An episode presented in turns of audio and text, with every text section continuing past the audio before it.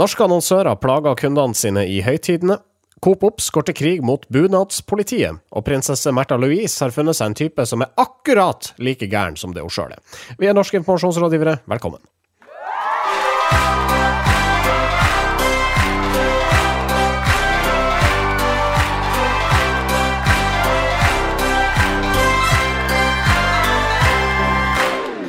Jeg heter Marius Skjerve Staulen. Denne sendinga presenteres av medieovervåknings- og analyseselskapet Retriever. Sindre Holme han er ikke her i eh, dag, litt ekstra ferie på han. Marius Storkelsen, du er her. Jeg er her, og jeg er lykkelig for å endelig få all den eh, mikk-tiden jeg fortjener. Du har strengt tatt carte blanche til lange, intrikate tidkrevende analyser. Ja, jeg har eh, mer eller mindre carte blanche til å være Sindre Holme i dag. Så, det var det. så det blir gøy å prøve det, og bare aldri slutte å snakke. Eh, Det er um, 17. mai i eh, utgivende stund, så det blir en ganske 17. mai-tung sending. Eh, Vi starta med Datatilsynet, som bruker 17. mai som aktualitetsknagg for å snakke om samtykke ved fotografering. Vi eh, kan ikke fastslå hvem som gikk til hvem her, men Aftenposten har en sak på nett hvor tilsynet minner fotoivrige foreldre om at man skal spørre om lov før man deler bilder av unger i sosiale medier. Ja, jeg føler dette er en av de morsomste Jeg likte overskriften på denne saken veldig godt. Ja. Eh, Fordi overskriften er bare 'Datatilsynet', kolon. Det er ingen menneskerett å dele bilder av barn på 17. mai. Og jeg lurer på hvordan vi endte opp i et samfunn hvor man trenger en sånn overskrift. Fordi eh, egentlig så er det jo bare da eh, Datatilsynet som sier det at eh, hvis man skal legge ut bilder av folk på sosiale medier eh, med bunad og, og is osv., uansett hvilken dag det er egentlig, så må man først spørre om lov. Eh, og så sier de at det er lov å ta, legge ut bilder av situasjoner. Så eksempel det er lov å legge ut bilder av da et eh, barnetog med folk som passerer forbi, uten å måtte spørre om lov. Men hvis du kan ta bilder liksom, av en enkeltpersoner eller to eller tre personer, hvor de er fokuset, da må man spørre om lov. Og eh, jeg tenker at dette er, liksom, det er et morsomt, fordi jeg tror en del foreldre blir sånn eh, eller for, det, for en del foreldre så tror jeg det er veldig sånn sport i å vise fram en mest mulig perfekt eh, 17. mai. Ikke sant? Altså Vise fram eh, søte lille Ola eller eh, vennen til Ola med bunad, og, og bare sånn eh, dele 17. mai-lykken og idyllen på sosiale medier. Det er vel egentlig langt på vei det sosiale medier er til, å dele Ja, egen Ja, ikke sant? Eh, Og derfor tror jeg mange også bryter en sånn type regel. da. som at Datatilsynet nå kommer og heller kaldt vann i årene på disse bilde, bildeivrige foreldrene. Ja. Så syns jeg det er veldig kul, og en kul måte også da få oppmerksomhet på for dataene sine. Men de bør kanskje lese seg opp på dette med menneskerettigheter. Jeg lar meg irritere eh, bitte litt av altså, eh, dette retoriske virkemidlet. Altså, det er ingen menneskerett å dele bilder av barn på 17. mai. Det er det vel ingen som har trodd heller. Nei, det, er, det, er, jo gøy hvis eh, eh, hvis Datatilsynet ikke bruker det retorisk, men faktisk bare har lest opp på menneskerettene. og bare sånn, eh, Det er faktisk ikke en del av menneskerettighetene, og det kan ikke dømmes i menneskerettighetsdomstolen i Haag hvis noen nekter deg å legge ut bilde av, av folk. Og det vet vi, for vi har, altså, Datatilsynet har sjekka nå eh, menneskerettighetene, og vi finner ingenting om det. Det er rett og slett ikke beskrevet her. Nei, men men eh, det, det er eh, Jeg tenker sånn eh, Hvordan skal Datatilsynet klare å bli relevant i forbindelse med 17. mai? Har sikkert sikkert noen tenkt.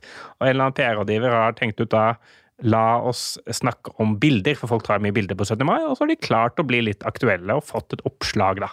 Og det klipp, det skal man alltid eh, veie høyt når man jobber med PR og kommunikasjon. Så Ja.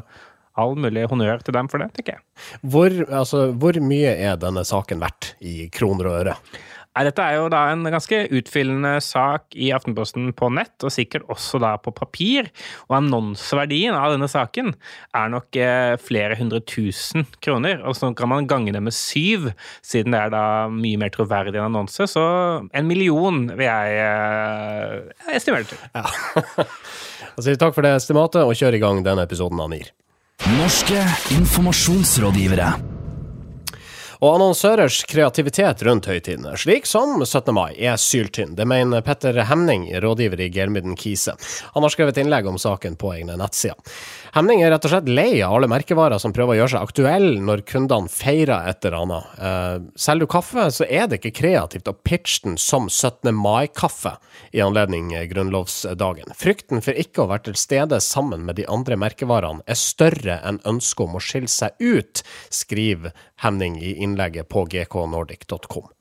Ja, jeg syns dette er et sånn godt uh, innspill, fordi jeg har, jeg har lagt merke til, til, det selv at det er uh, blitt nesten litt sånn uh, lettvint måte å lage et eller annet innhold på. Jeg bare tenker sånn OK, hva, hvordan ser året ut? Hvilke høytider er det som oppstår? Mm. Hvordan kan vi som merkevare da putte oss, eller vårt produkt putte seg inn i den settingen for å være relevant? Sånn som da Datatilsynet, for eksempel, da, og 17. mai har tenkt, istedenfor å tenke har vi noe viktig å fortelle, tenker de heller hvordan kan kan Datatilsynet bli relevant på 17. mai for å få litt oppmerksomhet.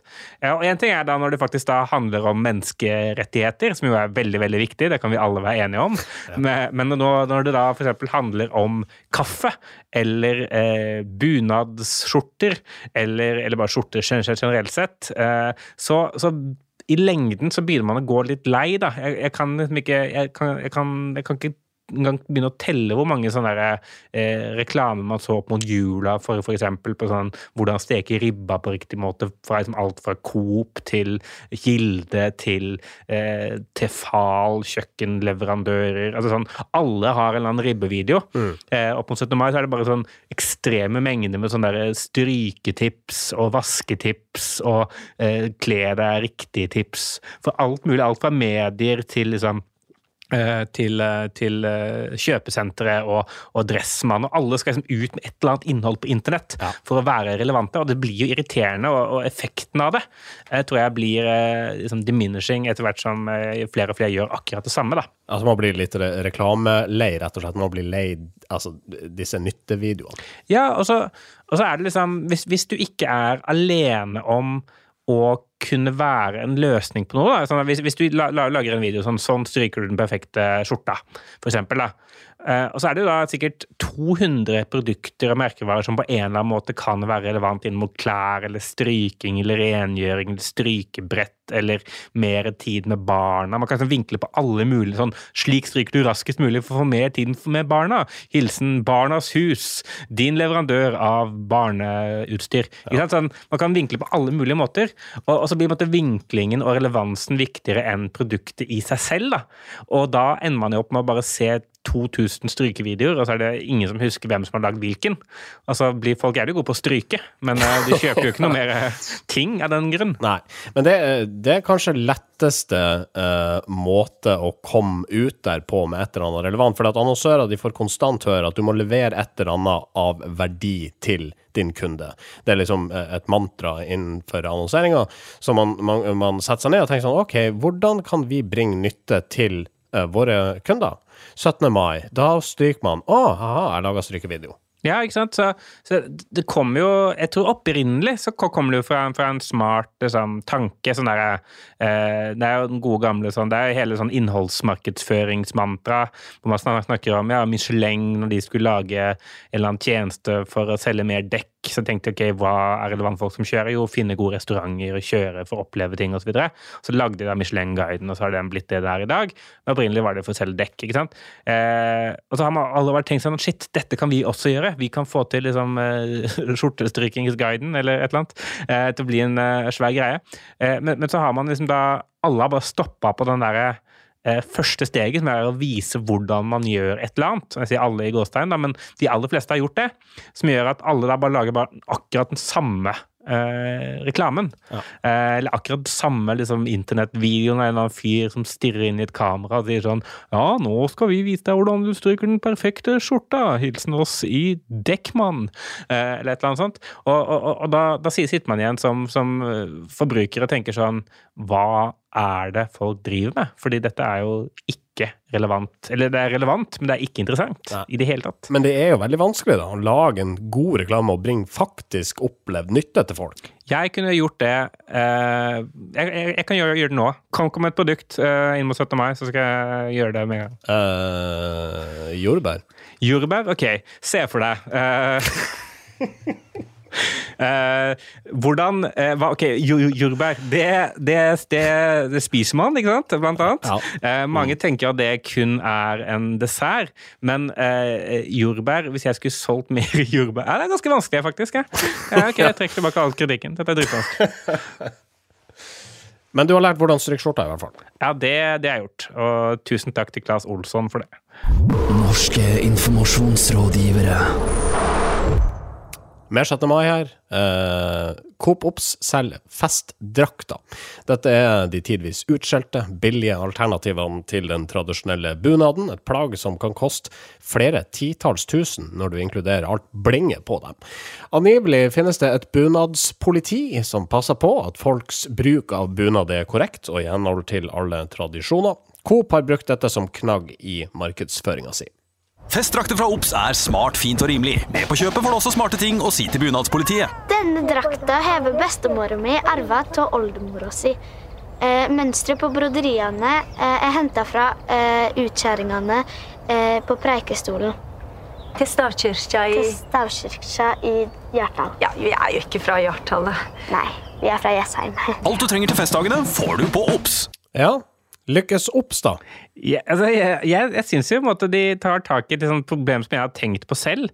Fordi nå har har ikke jeg verken bunad eller festdrakt, men jeg syns det er litt sånn eh, provoserende noen ganger hvor ekstremt opptatt disse bunadsfolka er av, av at en festdrakt ikke skal kalles bunad. Ja. Fordi bunad bare er denne ene håndsydde greia eh, til 20 000 eller 40 000 kroner. Eh, så det er liksom da Ops eh, tar inn denne festdraktskammen, som sikkert en del går med, og prøver å hjelpe folk med den. Ikke da, interessant nok, ikke, ikke ved å si festdrakten er eh, er et bra alternativ til bunad, men heller ved å prøve å få folk til å lære å ljuge. Og få folk til å late som om festdrakten faktisk er en bunad, og ikke bare en billig festdrakt fra Coop. Eh, det, det er interessant. Det kan jo se ut som bunad, dette her. Ja, jeg ser ærlig talt ikke helt forskjellen. Og det er kanskje noe av poenget også, at eh, hvis man bare er god nok til å selge festdrakta som eh, et eller annet eh, håndskjært eh, mønster fra Ni- Nidarosdomen eller noe, så kommer selv den mest fanatiske bunadentusiast til å tro at det er en ekte bunad. Spesielt hvis folk er litt sånn berusa sånn, da, så ser man jo ikke så nøye på detaljer. Hva er det som skaper det? Altså, alle disse følelsene rundt, uh, rundt bunaden. Jeg, jeg synes å, å høre denne diskusjonen hvert eneste år. Ei heller jeg eh, bruker uh, bunad verken på 17. mai eller andre høytider, men det er det mange som gjør, og så er det mange som velger denne festdrakta. Mye, mye billigere. Min uh, relativt treffsikre analyse av dette er at for noen få så han handler om liksom, nasjonalromantikk. Da, at man liksom, er veldig opptatt av å ta vare på norske tradisjoner. Og bunader eh, lages etter en veldig spesifikk oppskrift i mange forskjellige deler av landet og har egne særpreg og detaljer. og Det er mange, sånn, eh, mange ritualer som går inn i å lage en bunad.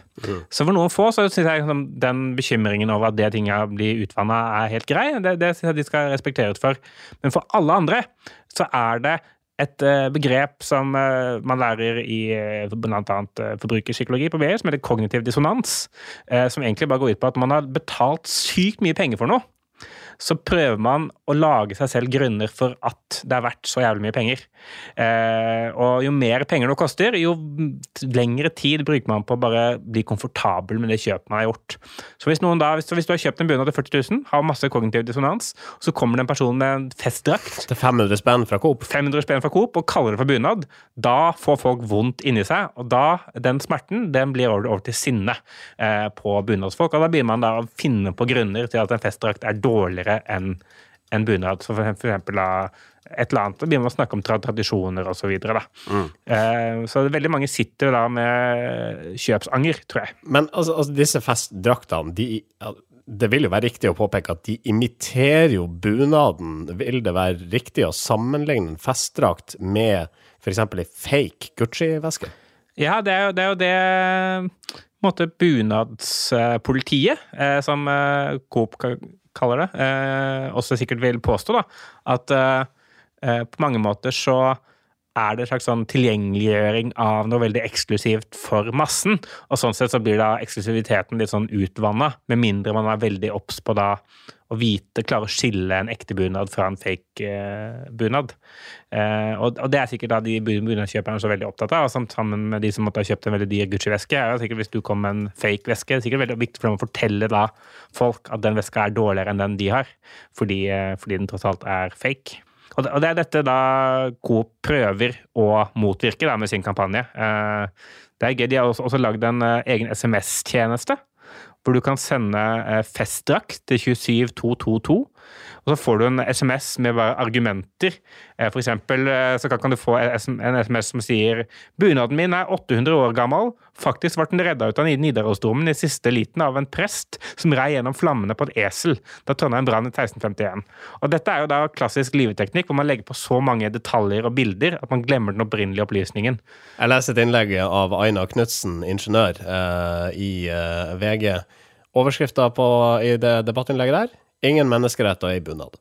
Jeg trodde kanskje at det var en menneskerett. I så fall så Altså, det er vel strengt tatt det. Altså, Hvis du har penger til den, vil kjøpe en bunad, så har du rett til å kjøpe den bunaden.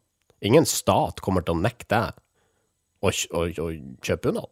Nei, men, men uh... Ingen menneskerett å eie bunad hvis du er blakk, burde overskrifta være. det, er ingen, ja, det er ingen menneskerett å eie, men det er en menneskerett å kjøpe bunad.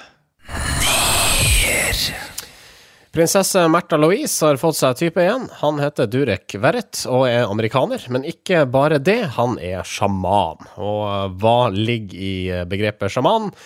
Vi lar eh, Durek forklare det sjøl, vi har henta lyd fra hans egen YouTube-kanal.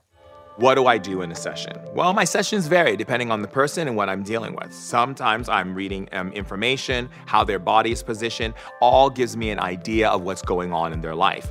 Other times, what I do is called spirit hacking, where I use spirit energy to create certain experiences physically, where certain poisons and energies come out of their body. That's it. Shake her stronger, spirit. Good. This is a good frequency for her body. Accelerate the uncontrollable laughing frequency into her body, go into the synapses of her brain, gate 32, and bring uncontrollable laughter through her body, spirits in her body. That's it, 1200. Det var altså eh, Märtha Louise eh, sin nye kjæreste, amerikaneren Durek eh, Verrett, sjaman. Nå skal turtelduene ut på turné under navnet The Princess and the Shaman, hvor de skal lære folk å komme i kontakt med sin indre kraft. Ingeborg Senneset i Aftenposten er blant dem som reagerer på den kommersielle koblinga her mellom kongehus og trolldom. Det er sterkt kritikkverdig, skriver hun, at irrasjonelle sjamantilbud pyntelig pakkes inn i en av landets prinsessers tittel. Ja, eh, dette har jo tatt over norske medier eh, i uka som har gått, eh, eh, på alle mulige måter. I innspillende stund så har jo da eh, han uh, også gjort sin kalde turné i norske medier og forsvart dette seminaret som han og eh, Märtha Louise skal uh, ut på i Norges land og, og, og formidle. Eh, jeg jeg syns dette er en ekstremt sånn spesiell sak fordi eh, Bare sånn tidslinje her, hvor liksom Eh, parallelt med at hun da eh, offentliggjør 'Jeg har møtt en ny fyr, eh, vi er i et forhold', så sier hun 'Og forresten, vi skal ut på turné. Kom til Stavanger. Kom til Fredrikstad. Vi skal få lære deg om livet, ånder, spirits. 1000 kroner for per eh, billett'. Märtha Louise kan dette med markedsføring, det er ikke noe tvil om. Ja, det synes er imponerende. Det er nesten sånn Det er nesten for eh, kynisk. Det er Sånn der, det, er, det er for god timing. For jeg, jeg tror jo absolutt at liksom hun og, og Durek eh, kunne dratt på turné, og folk har vært interessert i å se dem og betale penger for å se dem. Men når du offentliggjør det samtidig som du eh, kommer ut med et forhold som da skal handle om kjærlighet. Den der blandingen av liksom, noe som er emosjonelt og nært, med noe som er sånn rått kapitalistisk. Da. Eh, og når det i tillegg da handler om en kongelig og en tydeligvis åndelig eh, person, eh, ifølge seg selv, så, så er det, det er en sånn kjemperar blanding hvor jeg syns det at de skal på turné, både gjør dem mindre troverdige som par. Sånn, det virker nesten som om det er noe kommersielt som ligger bak, og det gjør han mindre troverdig som da fagperson på åndeverden og spirit hacking. da. I den grad man snakker om fagpersoner innen Ja, det, det er sjeldent, men uh, er det noen, så er det Durek. Uh, så det, liksom det, det, undergraver liksom både forholdet og hans uh, kompetanse, hva enn det skulle være. da. Jeg- undres Eller det som slo meg da, da Märtha kunngjorde sitt forhold, det overraska meg ikke. Eh, valget av livspartner her. Hun har vært en gærning en del år nå. Ja, absolutt. Jeg syns jo det var veldig sånn on brand for Märtha å, å velge en sjaman som kjæreste. Det føler jeg som er uh, veldig Hvis jeg hadde vært liksom, merkevarig for Märtha, hadde jeg sagt hvis hun hadde kommet sånn Ja, dette er Tore, han er ingeniør. Det hadde vært sånn Ja, Martha, det er jeg er sikker på at han er en fin fyr, men det passer ikke helt med den eh, crazy eh, spirit person-brand vi prøver å bygge for deg her. Eh, hva med Durek? Han er sjaman, han er amerikaner, og han eh, har veldig mange rare YouTube-videoer. Men eh, kongehuset oppi alt dette her. Altså kongehuset, det tradisjonsrike kongehuset. Altså dette her er jo et eh, land fundert av monarker. Hvordan tar dette seg ut? Det er vanskelig å si. Altså, sånn, jeg, jeg, jeg, på en eller annen måte så er det jo litt urettferdig at vi som folk har da vært med på å funde dette kongehuset gjennom deres apanasje, og da indirekte også Märtha Louise. Hun er jo Märtha Louise fordi vi har betalt henne for å bli Märtha Louise i mange, mange år. Ja. Eh, Det er litt urettferdig da at hun kan bruke det på å reise rundt i Norge og lure folk med en amerikaner. Ja. Eh, fordi det er det som er et eller annet sånn, hvis, hvis hun bare hadde vært en eller annen sånn gærning som hadde bygd seg opp selv til å få sånn englesnakk-imperie fra ingenting, og så møtt en amerikaner og så reist på turné, ingen hadde brydd seg. Men fordi hun da liksom, på en eller annen måte er eh, hun er skapt av oss. Hun, hun er henne fordi vi, er, vi tror at hun er noe mer, fordi hun er født inn i denne familien og bor i gult hus i Oslo innimellom. Eh, og, og så kan hun bruke den statusen til å reise rundt og være gæren. Eh, det det syns jeg er eh, det synes jeg er grunn til å, til å reagere på, da. Hun er offentlig eiendom på et vis. Hun er jo offentlig eiendom. Altså, sånn, øh, hun, og det er sikkert ikke lett å være Märtha Louise. Det er, kan, er sikkert lett for meg å forstå det hvis du, voks, hvis du vokser opp som eh, kongelig øh, og aldri har en meningsfull relasjon i hele ditt liv fordi foreldrene dine er gamle og rare, og broren din skal bli konge og er sammen med en eller annen sørlending, og, og du er sikkert blir isolert og forlatt hele livet, og du vet ikke om noen av vennene dine er ekte venner fordi du er kongelig. Og så, det er sikkert lett å da ende opp med å tenke sånn det må finnes noe mer. Det må finnes et eller annet, finnes, det må jo finnes noen engler, eh, eller et eller annet. Og så sånn det litt til det. Det er lett for meg å forstå det, men så da gå fra det og tenke dette skal jeg tjene penger på, det, det syns jeg er en sånn eh, disconnect, da.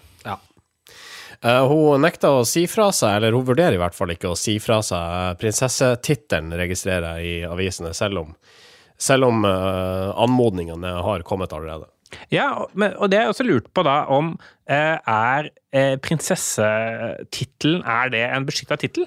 Altså, sånn, er det noe man må si fra seg? Altså, kan ikke altså, Jeg mistenker at jeg også kan kalle meg prins hvis jeg vil det. Det er ingenting som stopper meg liksom, fra å bare begynne å kalle meg prins Marius. Så jeg, jeg tror liksom at vi bare må slutte å kalle henne prinsesse. Eh, vi, hun trenger ikke å si fra seg tittelen. Vi kan si fra henne den tittelen. Det er vi som bestemmer at hun er prinsesse, ikke hun. Så, så vi som folk kan bare gå sammen og tenke sånn Dette er bare Märtha Louise nå. Du er ikke prinsesse lenger. Nei. Så kan hun si jeg er prinsesse. Og si nei, det er du ikke. Ikke for oss. Hvem er du prinsesse for, da? Hvem er du prinsesse for, Märtha? Ingen. Norske informasjonsrådgivere. Og vi gjør oss eh, klar eh, i våre festdrakter til å feire denne 17. mai. Hvor tilbringes den for din del, Torkelsen? Eh, Den skal tilbringes i Oslo. Jeg skal på en eller annen champagnefrokost. Yes, oh. Eh, og så har vi ikke så mye planer etter den frokosten. Eh, men den begynner til gjengjeld drittidlig, så da har vi hele dagen på ikke å ha noen planer. Det kan også være litt deilig innimellom. Hvor tidlig begynner den, da? Ni. Ni. Og det er ikke som om liksom, vi vi skal ikke rekke noe. Vi skal, ikke, vi skal ikke se noe tog. Vi skal ikke, vi har ikke noen bordreservasjon. Vi skal bare begynne ni fordi vi skal begynne ni. Det er noen som har jævlig lyst til å drikke. Ja, det er det, er, det, er det rett og slett. Sånn der, eh, det, nå, nå, nå har noen venta hele uka. Uh, torsdag, fredag klokka ni, da begynner det. Eh, Når dagdrikking er lov på en fredag, da starter man tidlig, ass. ja, det, det er bare sånn, sånn det må være, tror jeg. Ja. Får du med deg dette toget som går oppover eh, Karl Johan. Jeg spør fordi jeg prøvde ved et par anledninger eh, der sjøl bodde der nede, å få med meg dette toget, men det er umulig, for det er så mye folk at du kommer ikke inn til der de er. Så du ser bare eh, flaggborgene passere. Eh, Så får du sett eh, en bred fauna av norsk rygg.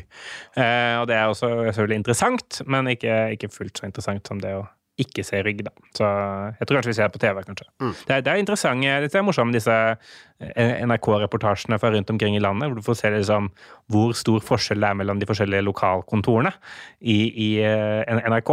Så sånn der, nå skal vi til kontoret i Mo i Rana, så er det bare sånn verdens verste reporter, eh, som at ikke kan snakke. Og så er det sånn, i Bergen er det dritbra, eh, Tromsø er det bra, så kommer det plutselig til sånn Voss, og så er det enda en ubrukelig versjon. Ja, ikke sant? Eh, jeg synes vi kanskje burde lage en sånn der eh, NRK 17. mai-sending, eh, lokalkontor-bingo. Det kunne vært litt gøy. Hvordan skulle det fungere? Nei, sånne der ting som vanligvis oppstår. Sånne der gråtende barn, eh, eh, reporter som prøver å intervjue forbipasserende barnetog, eh, men ikke får noe svar. Reporter som stiller lukka spørsmål til barn, som antagelig er noe av det dummeste du gjør, for du, du får nøyaktig ett sekund med TV. Syns du det er artig å være med i 17. mai-tog? Ja. Liker du is?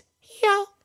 Ok, da ser er det god stemning. Vi setter Da skal vi til Vadsø en tur, der også er 17. mai-feiring. Det er ikke så mange der oppe, men eh, ja, noen er det vel. Ja, det er det bare meg og han Vidar. La oss uh, følge med på NRKs sending og se om vi finner noen ekstrakter vi kan ta med i neste episode av NIR. Ja, det kan vi gjøre. Og send gjerne inn eh, sånne lokalkontorismer Ja. eh, til oss hvis det er noen ting dere observerer under eh, denne sendingen. Ja.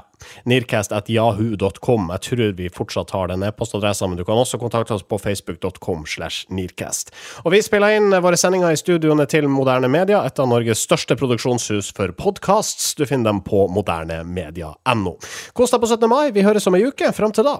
Ha det bra! Norske informasjonsrådgivere. Moderne media.